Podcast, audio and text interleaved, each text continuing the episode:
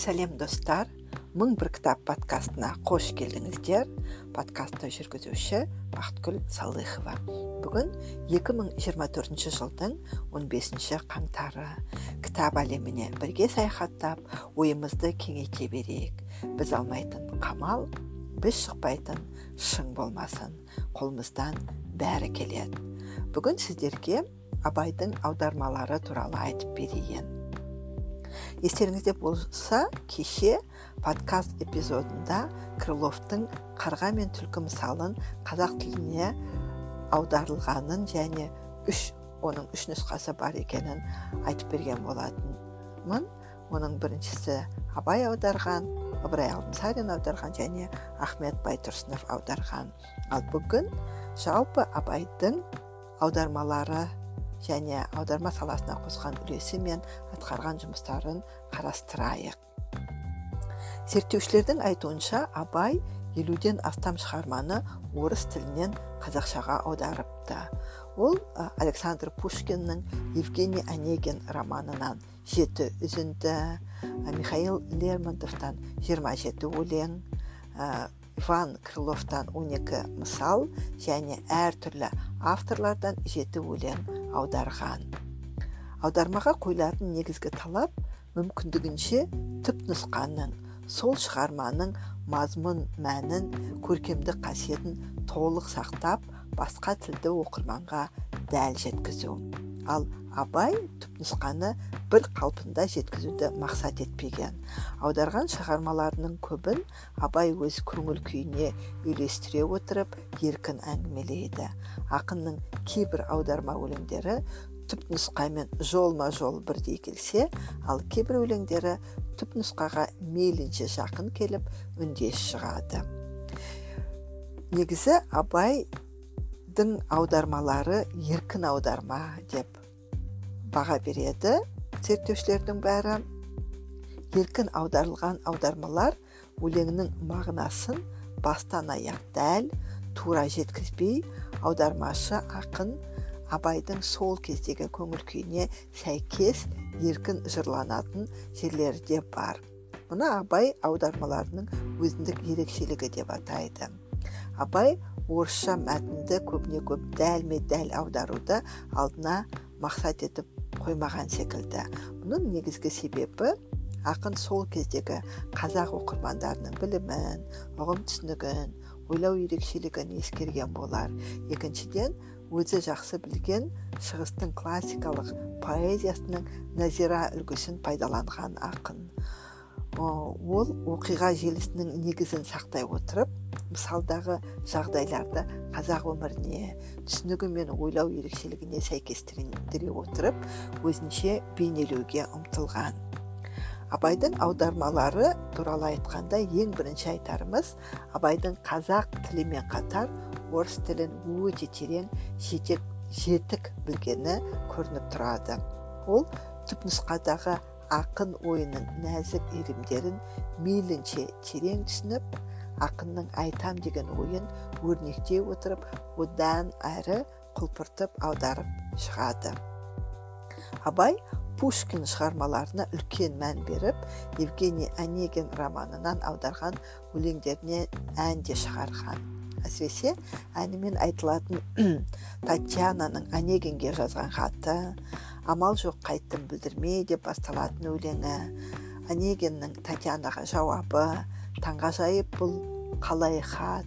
Татьяна сөзі тәңірі қосқан жар едің онегиннің татьянаға жазған хаты құп білемін сізге жақпас және онегиннің өлердегі сөзі 1887-1889 жылдары бүкіл қазақ даласына жайылып танымал болған. Енді сіздерге осы татьянаның онегинге жазған хатын оқып берейін. Амал жоқ қайттым білдірмей. Япырмау қайтып айтамын. Қоймады дертін күйдірмей. Не салсаң да тартамын. Талапсыз бақсыз мен сорлы. Еріксіз аттап ұяттан. Қорлыққа көндім бұл құрлы байқалар халім бұл хаттан.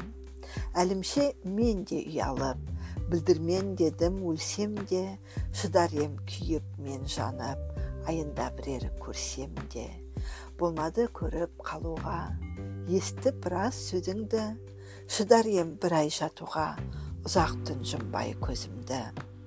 Қызықтан қашып бұл жерге көңліңіз суып келіпсіз мәнісін сұрап білуге тілдесе алмай еріксіз. Келмесең егер сен бізге сау болмас пем әлбетте. Болмаса машина мен сізге. Түспесем мұндай бейнетке. Асау жүрек қайнамай. Жуасыр мет кезінде елден бір жақсы сайламай. Бармас пем өрге өзімде? Өзгеге ешбір дүниеден еркімен тимес бұл жүрек әзілде тағдыр иеден. Қожам сенсің не керек? Тіршілігім құрбандық. Шыдамай сені көргенше тәңірімнен келген бұл жарлық ем сенсің өлгенше. Әуелде кірдің түсіме ортақтасып өміріме толғау салып ішіме сол күнде ақ жақтың көңіліме. Құдайдан болғай деп емі құдайыны мол бердім. Көрген жерде ақ мен сені осы екен ғой сол дедім. Жатқан сайын ұйқыға дұға оқушы ем шошынып ұнатып мені құлқыңа жүруші едің қосылып. Түсімде мені жұбантып жылы сөзбен сөйлесіп кетуші едің қуантып қалушы еді көңіл өсіп. Шыныңды айт кімсің тербеткен? Ембісің сақтаушы әлде азғырып әуреткен? Жаумысың теуіп таптаушы? Шеш көңілімнің жұмбағын әлде бәрі алданыс жас жүрек жайып саусағын. Талпынған шығар айғалыс. Не болса да өзімді. Тапсырдым сізге налынып. Толтырып жасқа көзімді есірге деймін жалынып. Бұл жерде ешкім сырымды. Білмейді айтып не тейін жақтырмай бұзсаң нұрымды. Білдірмей күйін өтейін. Күтемін сізден қайта хат. Қуандырып дертім жаз ол болмаса шыныңды айт кінә өзімде өзіме аз. Өз хатыма өз көзім ұялып қорқып баға алмас кепілім менің бір өзің бөтен жан тесік таба алмас. Абай ә, пушкинмен бірге бағана айтып өткендей лермонтовтан да көп аударған. Және лермонтов оның сүйікті ақындарының бірі болған деседі абайдың өз айтуынша лермонтов ерекше ызаның ақыны махаббаты ашумен уланған ақын деп жазады мұхтар әуезов. Ашуы қоғам құрылысына наразылықтан қоғам дертіне күйінгендіктен туған. Абай лермонтовты оқып өлеңдерін аударумен ғана шектелген жоқ. Ол орыс ақынын жанындай жақсы көрді. Сырлас мұңдас болды. Абай ұлы ақынның жырларының орыс қауымының тілек талабын мұңын жырын ұқты.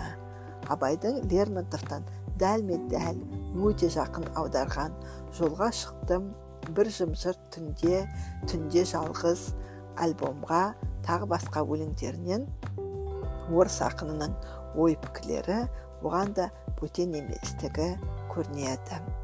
Абай лермонтовтың ой атты өлеңін аударғанда бұл жұрт көңілде сенім жоқтықтан білген адамды іске жарата алмай отыр деген пікірді өзгертіп сол кездегі қазақ жағдайына ыңғайлады деп ойлаймыз.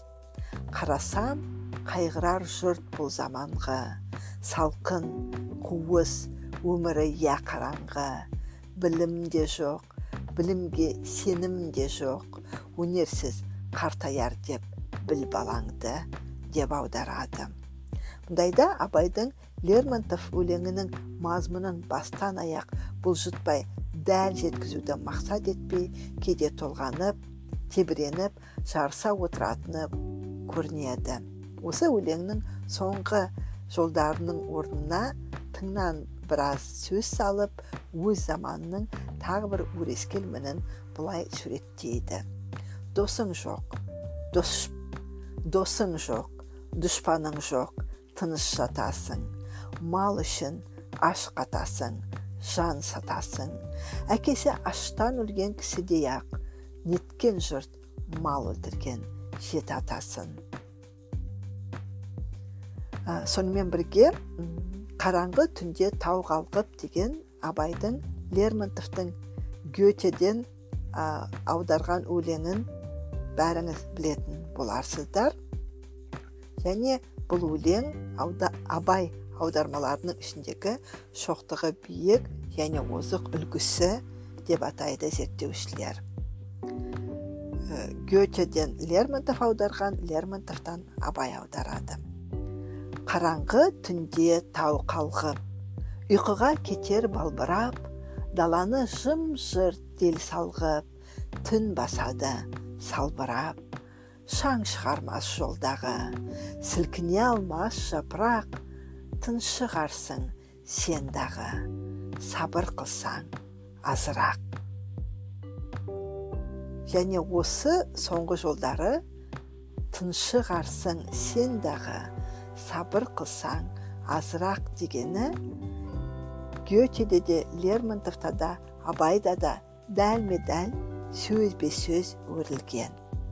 Абай лермонтов оригиналын барлық сәнімен бар ерекшелігімен қазақ тілінде қайтадан туғызады.